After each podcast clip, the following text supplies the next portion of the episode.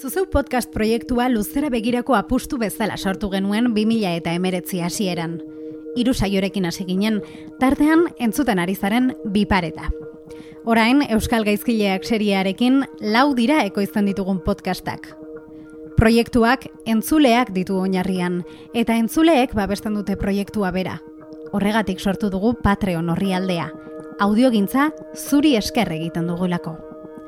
Patreon orrialdean hiru arpidetza mota topatuko dituzu. Aukeratu egokiena iruditzen zaizuna, zuzeu podcast komunitatera batu eta proiektua babesteko. Sartu patreon.com barra zuzeupot elbidera. patreon.com barra zuzeupot. Eta arpidetu gure edukietara.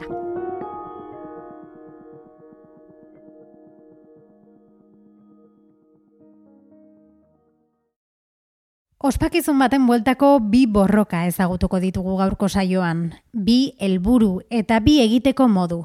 Tradizioa bizitzeko bi ikuspegi. Kaixo Arrate Hernandez oiarbide naiz eta hau bi pareta da.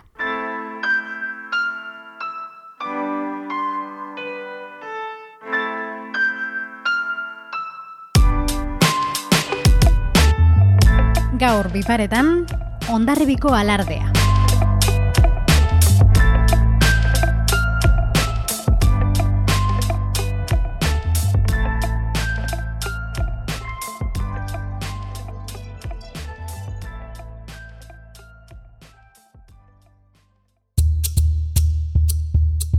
Eta nik ez zaitut ikusi nahi, orduan jartzen dut zerbait, kasu honetan plastiko beltzat, ez ikusteko.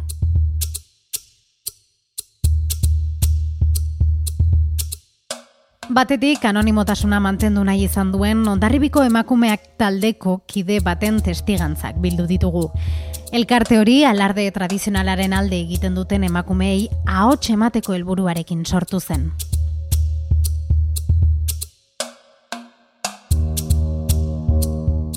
Bestetik Ane García Lópezen bizipenak bildu ditugu. Alarde publiko parekide eta bakarra aldarrikatzen duen Jaizkibel konpainiako kidea da bera. Nik beti izaten dut, nik hori ez dakit norbait egingo nioken. Horrela bizkarra eman edo. Eta azkenan ondarri binda keinu bat naturalizatu dena. Zer egun dineko jendeak beti da nik ikusi ditu edo plastiko beltzak, edo aterkiak, edo karetak, em, insultoak. Orduan, oso, oso barneratuta daukagu hori egiten dela. Eta jende batentzat egin daitekela.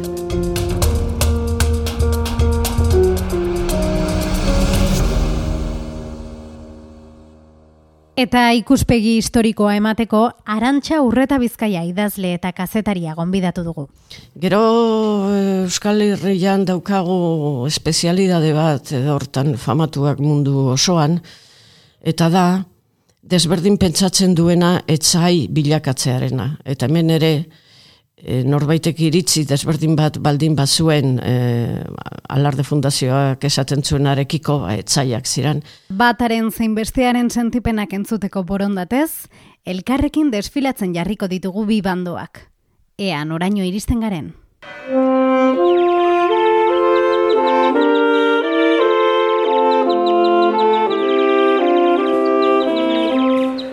Ondarribian, irailaren zortzia, egutegian gorriz markatutako eguna da.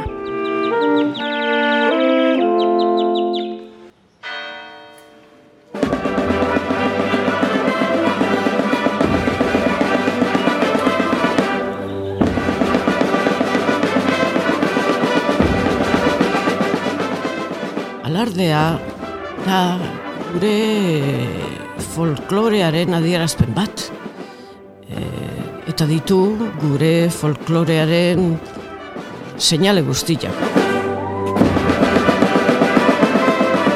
Gure folklorea da gauzak batera egin, guztiok batera, modu ordenatuan, ez da bakoitzak egiten duela nahi duena, e, taldean dantzatzen danian ere e, arauak daude, badira beste folklore batzuk olakoak ez dirana, baina gure folklorea olako da.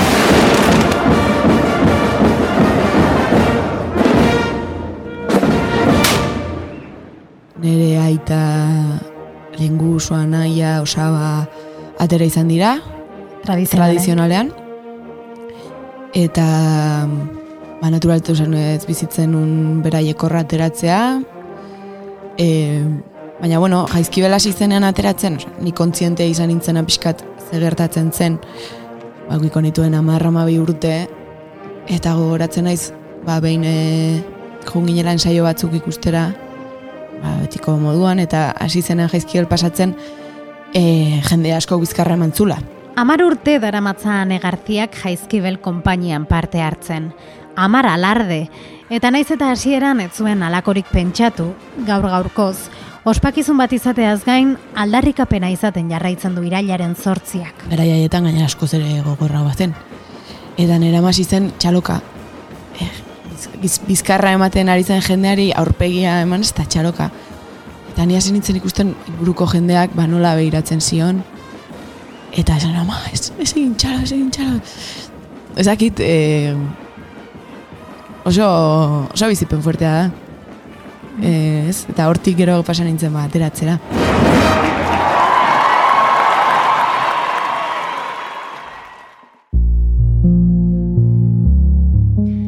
Belaunaldiz belaunaldi mantendu den ospakizuna da alardea, tradizioaren izenean. Eta bai, tradizioak denon bizitzetan du bere tokia, askotan uste duguna baino handiagoa. Naita nahi ez, ba, tradizio batetik gatoz, e, gure eskuntzak baldintzatu gaitu, baina tradizioekiko oso malgua konsideratzen naiz.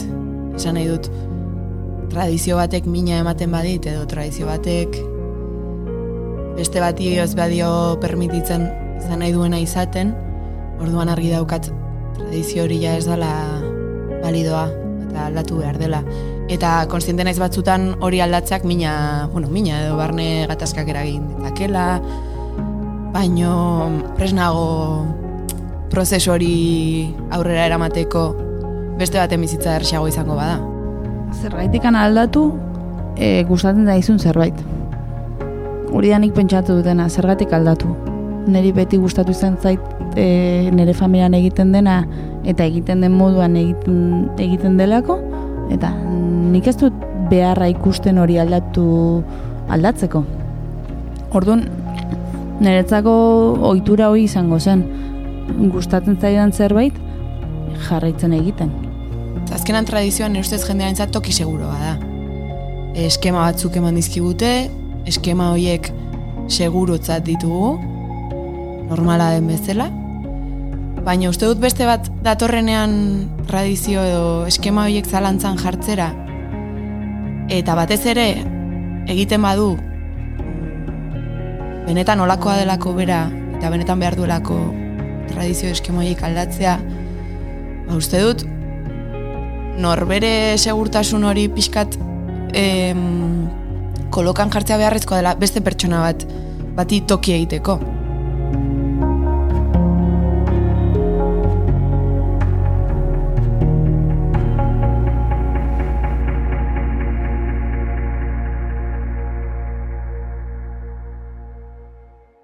Gaur gaurkoz, konpainia bakarrak onartzen ditu emakumeak desfilatzen, jaizkibel izenekoak. Batzuk ez dute konpainiatzat ere, Izan ere, ez da alarde antolatzen duen erakundearen parte, alarde fundazioaren parte alegia. Bertan biltzen diren hogei bat konpainietan gizonezkoak dira soldaduak zein musika joleak. Alardea bakarra da. E, adibidez, donostian tamborradak e, ba, agian egun dira edo gehiago. Ez, alardea da desfile bakarra. Eta hor daude konpaineak, e, hogeiren bat konpainia. Eta bakoitzak ditu, musika joleak, diala txilbitoak, eta bi danbor klase, eta gero eskopeteroak. Eta konpainia bakoitzak du kantinera bat. Emakume bakarra hori da. Emakumeek tradizionalki kantinera gisa desfila zezaketen bakarrik. Eta arau hori bizirik mantentzen da gaur egun ere. Zer da kantinera izatea? Ba, Orain dala ezain beste urte, kontatzen dutenez, oain dikan biziri dagoen jendea kontatzen duenez, e, etzegon ondo, oso ondo ikusi ja kantinera ateratzea, eta kosta itentzan kantinerak e, aurkitzea, batzuk e, iru lau urtez segidan ateratzen ziren, beste inoretzegolako. Azken urte hauetan, e, azken mende erdi honetan, e, ora, gaizki ikusi hori galdu du, eta batzuntzat bada Miss Universo eta gero kantinera, horren pareko gutxi gora bera.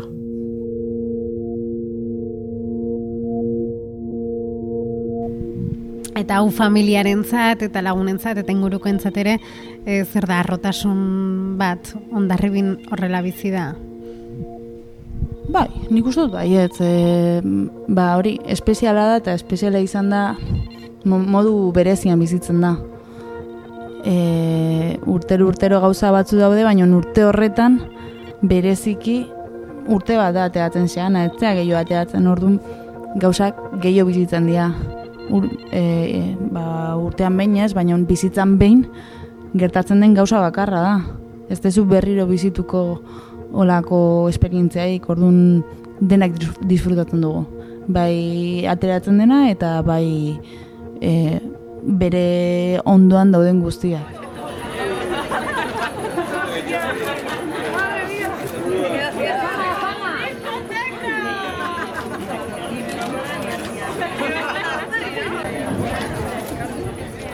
konpainia bakoitzak bere bere kriterioak ditu aukeratzeko. Orduan, ba, gehien bat eh, ondarribika izan behar duzu, edo ondarribian bizi behar izan duzu hamar urtez, gutxinez, e, hogei urtetik gorakoa, e, eskondu gabekoa, e, eta listo. Eta gero ba, konpainia bakoitzean ba, euki familiarren bat, ba, jaita, anaia, lengusua, norbait e, presentatzen dizuna kantina izateko. Neri nera presentatu zian, e, aukeratu ninduten, eta urte hori izan oso oso berezia gauza asko ezberdin egiteko, e, gauz preparatibo asko, moinua, makillajea, e, pues, azkenean entzaiotako arropa, dana, dana prestatu barrakazu egun horietako.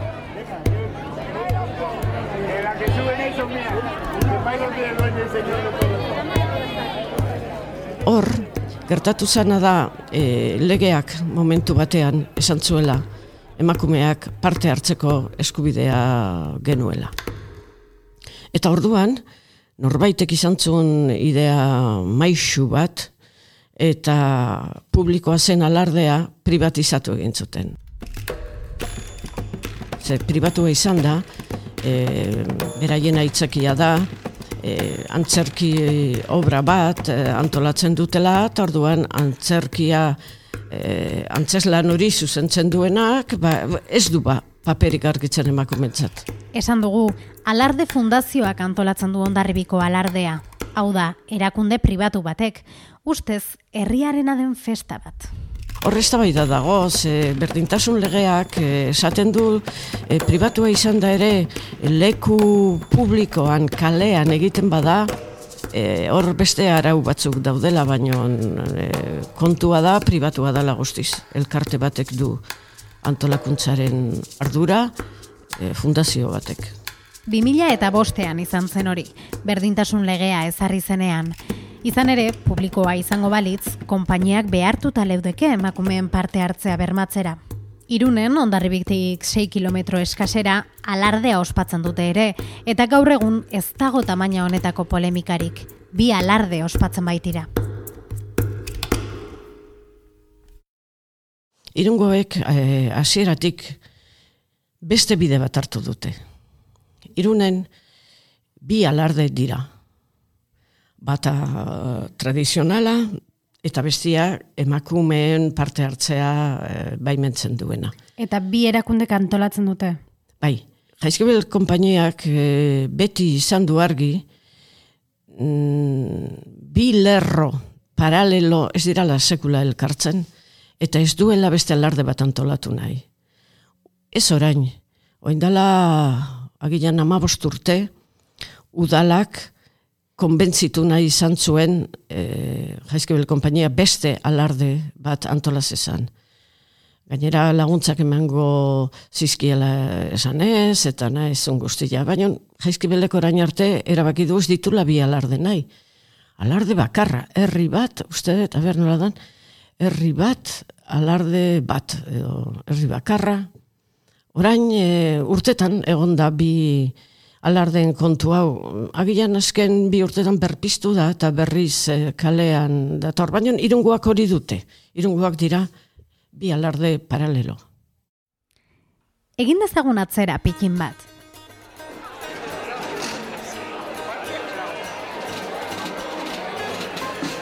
Alardeak amazazpigarren mendean du jatorria, tropa frantsesak garaitu izanaren erakustaldi gisa sortu baitzen. Baina orain ezautzen dugun alardeak ez ditu egun urte. Orain ezautzen dugun moduan. Zer da, gaur egun ezagutzen dugun alardea eta lehentzena? Ba, lehen eh, asko ze antolaketa eh, lehen malguagoa zan, naturalagoa, gero hori arautzen jonda, eh, folklorearekin gertatzen da bezala gauza askotan. Baina, kompainia, orain desfilatzen duten kompainia askok e, ez ditu egun urte. E, ez da, torra mazazpigarren mendetik, hori gero sortutako zerbait da. Alardaren inguruan e, lehenengo aldarria sortzen da emakume talde baten gandik, emakume talde horrek gerora hartu zuen Juana Mugarrietakoa izena, eta beraien eh, aldarria zan emakumeak gizonen pare, edo zen konpainian edo zen lekutan. E, pasa zuten hiru bat urte gutunak bidali baimena eskatu eta erantzunik jaso gabe eta orduan mila bederatzireun da laro geita amaseian e, erabaki zuten e, sartu egingo zirala konpainia batean horrek eh, hain erantzun bortitza jaso zuenez, Juan Mugarritakoak berak, eh, emakume talde horrek, erabakizun erresago izango zala parte hartzea, emakume hon parte hartzea, baldin eta konpainia bat sortzen bazan. Orduan, konpainia horretan emakumeak bai, eta besteetan ez e, nahi ez bazuten. Horretarako sortu zen jaizkibel konpainia, lehenengo aldiz, mila handikan urte betera, laro geita amazazpian.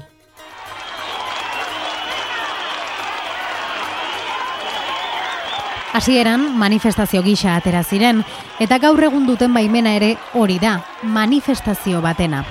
Horren aurrean hainbatek zalantzan jartzen du Jaizkibel konpainia bat dela.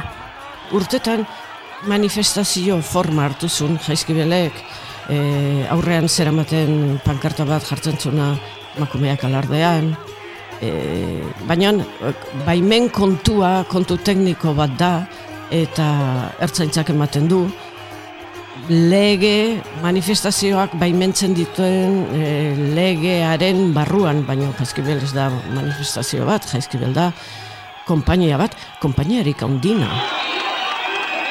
Hau, oin dela hogeita urte hasi izan, eta etzan berdintasun arazo bat izan, arazo soziopolitikoa izan, e, etzen alardea aldatu nahi, alardea kendu nahi zen.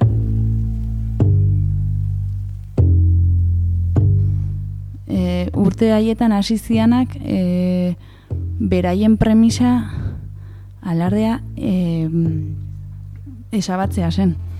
Orduan hori ikusita eta herriak nahi zuen zerbait edo maite zuen zerbait zela, maite duzun zerbait kendu nahi balima izute, zuketzea usten. Orduan hor dator gatazka. Ondarribiko emakumeek berdintasunaren gaia aitzakiatzat dute, ez dute uste jaizkibel hori bermatzeko sortu zenik. Ez zuten ez sortu ezabatzia, ba beste aitzaki bat hartu zuten berdintasunaren aitzakia. E, aitzaki horrekin bai eukiko zituztela e, jarraitzaile gehiago. Eta herriak ez zien ez jarraitzen, kanpotikan ekarri zituzten jarraitzaileak. Guzti hau esan dezakegu laro gaita mairutik edo hasi zala eta e, eskerra bertzaleko jarraitzaileak zian e, hasi zianak gatazka honekin. Hasi zianak e, bai ondarribin eta ez bakarrik ondarribin baizik eta Euskal Herri guztian. Ezin dugu astu e, urte haietan e, kaleratu nahi zuten ara, e, politikan zeukaten borroka kaleratu nahi zuten eta orduan bai irri aurri hauan, bai donostiko salbean, guzti hori zapustu zuten, beraiek. Nahi izan zuten, e, nola esan, ba, politika jaietan sartu. Eta hori hori eginda, hautsi zuten bai aurraba, bai salbea, eta ondarribin ez zuten lortu. Nola fidatu olako fina dakaten pertsonekin?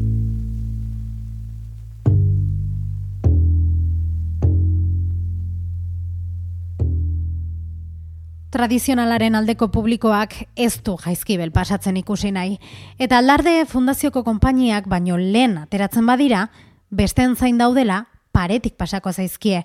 Horren aurrean, jaizkibel beranduago ateratzea eskatzen dute. Jaizkibel ez ikusteko eskubidea aldarrikatuz.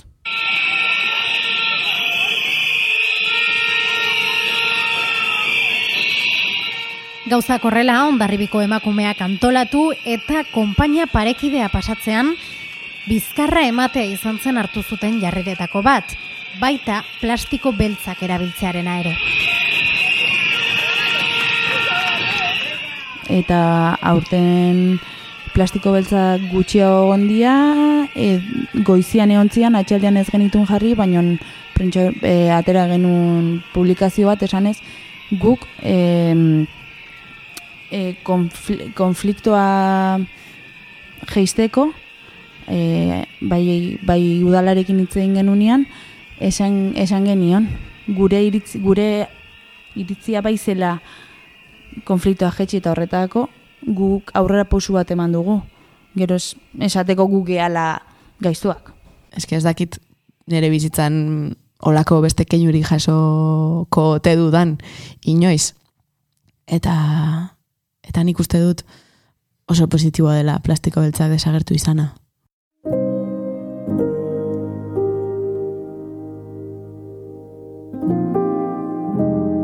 Plastiko beltzoiek rebindikazio bat da. Ondarribiko makumeek ere gure iritzia dakagu eta ez da dena beraie bakarrik handiala ondarribiko emakume sortutako talde bat. Guk ere hor gaude eta errebindikazio bat zan guri ere entzu, entzuteko. Niretzat beti izan da violentzia simbolikoa. Eta oso gogorra da. Naiz eta ba igual lagunak ez dira egon gertuko lagunak hor atzean, baina ezagunak bai, ezagunak eskolako jendea, e, ez dakitze inglesera zurekin etortzen zirenak, ezagutzen duzun jendea urte guztian zure ba, zure, zure bizitzan dagoen jendea derrepente ikustea zuri bizkarra ematen edo gorroto arpegiz begiratzen, Eta esaten duzu, jo, nik ez dizut ezer egin.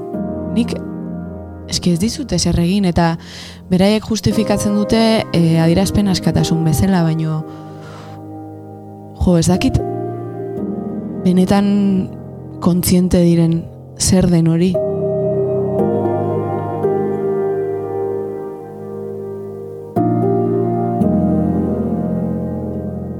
Aldarria inungo zalantzarik gabe berdintasunaren aldeko aldarri bat da.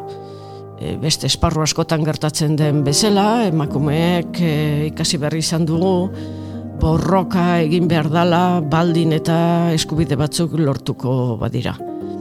Gero, aldarri horrek eta jaizkibel konpainiaren jardunak sortu ditu urtetan e, bizikidetza o elkarbizitza arazoak e, urteekin izugarri baretu diranak momentu honetan e, tensio hori, bizikidetza tensio hori, gertatzen da bakarrik kale nagusian irailan sortzean.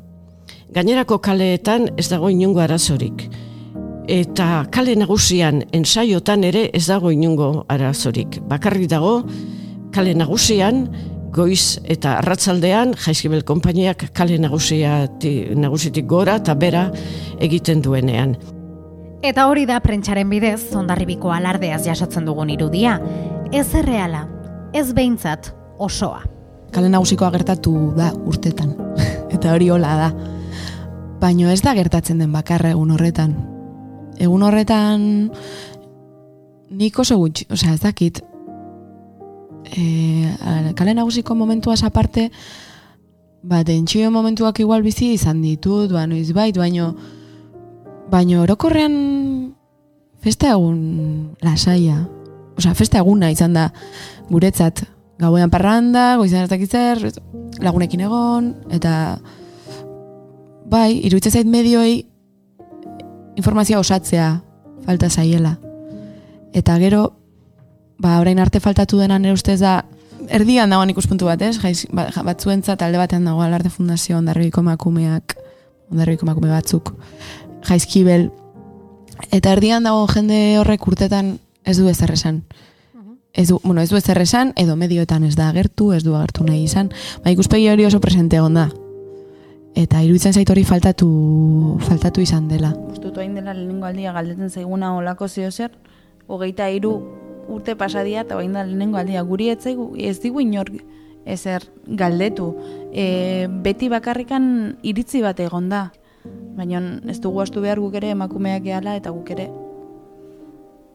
bizitzen ditugula eta badakula gure iritzia. Ordu manipulazio hoi bai dago, e, ez delako kon- kontrastatzen. Herrian gauza bat bizi da eta beraiek kanpora hitz egiten dutenean beste gauza batzuk esaten dituzte, ba, hemen ez dianak ikusi. Hemen e, urte asko egon gea isiltasunean, bai plastikoekin, baina isiltasunean, eta denetaik entzun behar izan dugu. Denetaik. Eta azken finean hori ez da egia. Hau da, herria puskatuta dago, nahi duenarentzat bai. Nahi duenarentzat frakturatuta dago, nahi duenarentzat e, hor gaude haiek eta gu, e, herria eta herriaren eta besteak bestea deshumanizatzen duzun momentuan erresagoa delako mantentzea gorroto edo edo gatazka hori ez. Bestea zure bizilaguna balin bada, pertsona hon bat, ez duena, bardun zailagoa da, bere- berekin aserre egotea.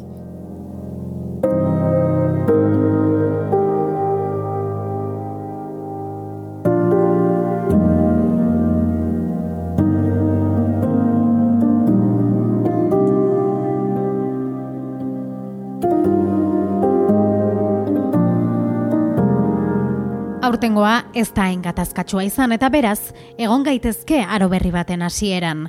Euskal Herriko mugimendu feministaren deialdiari erantzunez, babes handia jaso du inoiz baino jendetsuagoa izan den jaizkibelen desfileak.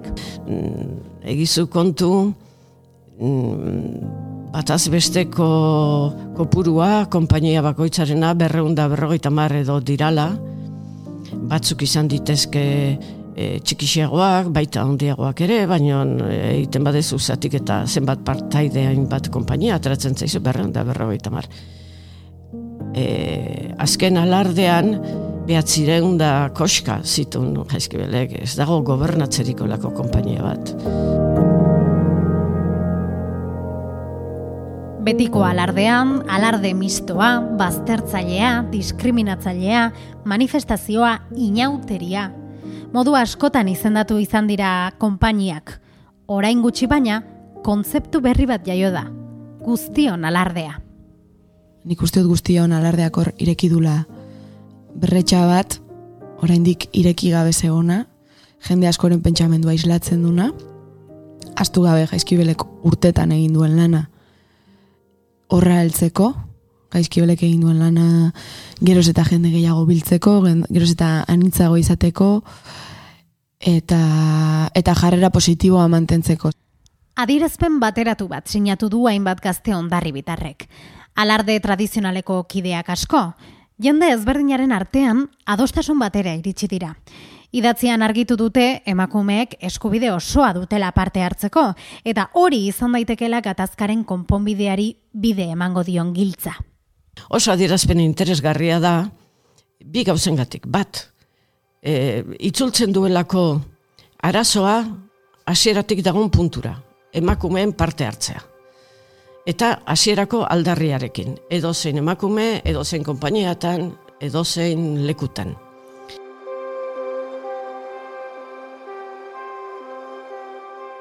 Bi, e, beste gauza batetan, hori iruditzen zain niri oso interesgarria ere bai, e, hainbatek azaltzen duenean, e, urte hauetan azaldu izan duenean, zer den jaizkibel eta ze, e, ze arazo dagon horren inguruan, kontatzen du, herria, herri osoa alde batean, eta beste alde batean minoria gaizto bat.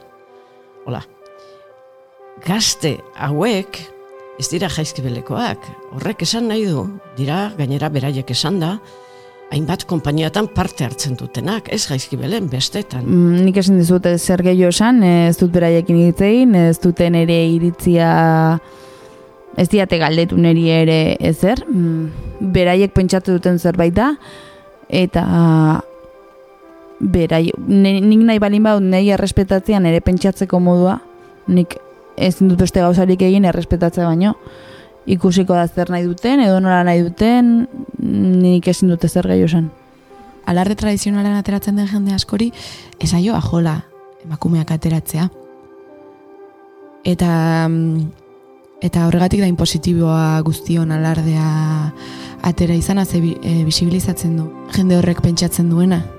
Gertatzen dena da, alardea, osea, jaizkibel kale nagusitik pasatzen denean, e, alarde tradizionala egoten dela beste alde batean eta bertan ateratzen direnek urtetan ez dute ikusi zer gertatzen den kale nagusian eta ziur nago askori ez itzela ondo irudituko. Orduan, horrek esan nahi du e, deskribapen hori herri oso alde batean minoria gaizto bat bestean ez dela horrela e, beste bitarteko bide asko daudela tartean bitarteko jarrera asko. Oendikan, gehiago azaleratuko dirala esango nukenik. Kantinera izandakoak eta arraunlariak ere bai, alegia tradizionalki pixu handia duten figurak, gaur egun ere prestigioa dutenak. Iragana aztu gabe begira dezagun etorkizunera, eta ez bakarrik irailaren zortzira. Nire ustez, lehenik eta bain hasi beharko gara rekonozitzen bestea errikide bezala. Ze jende askorentzat ni ez naiz onda, ez naiz ondarri bitar peto-peto bat. E, eta, bueno, bilatuko dituzte moduak hori justifikatzeko. Eta, bueno, osea, ondarribiko emakumeak, ondarribiko emakumeak deitzen da. Eri oso gorra egiten zaiti zen hori. Zilegi da horrela deitzea, hola erabaki badute, baino ni ere ondarribiko emakumea naiz modu baketsuan eta errespetuz niretzako denak euki dezakete tokia bakoitzak beraiena eginez.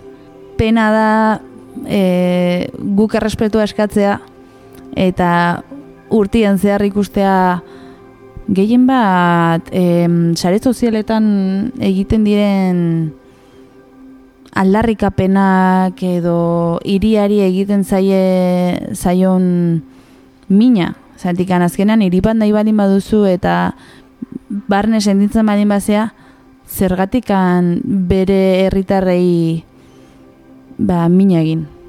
Mina egin, bai e, ondarrebiko simboloak e, hautsiz, pintadak eginez, errespeta gaitezen bata besteari. Ba, aldatu behar da erakunde politikoen jarrera, lehenengo, ze udalak erabaki zuen alarde esku pribatutan ustea. Etzun, etxan hori e, ola zerutikan etorri.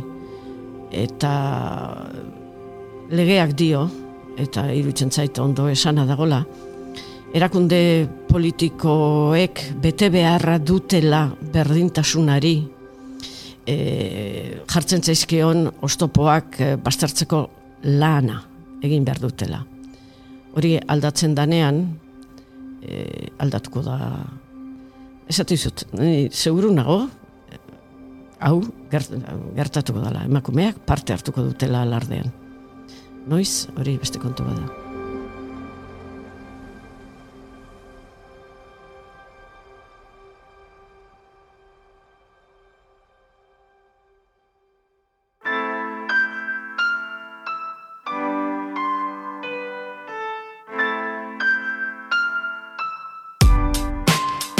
Eskerrik asko arantxa aurreta bizkaia eta bereziki haien esperientzia pertsonala kontatu diguten bi paretei, ondarebiako emakumeak taldeko kideari eta jaizkibel konpainiako Ane Garzia Lopezi.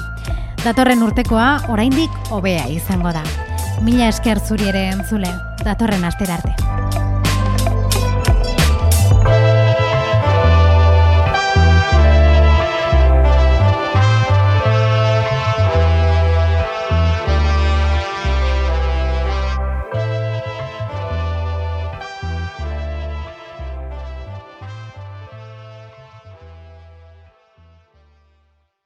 Edo zein audio plataformatan entzun dezakezu zuzeu podcast. Spotify, Apple Podcast, Stitcher, eta bestela sartu podcast.eus elbidera.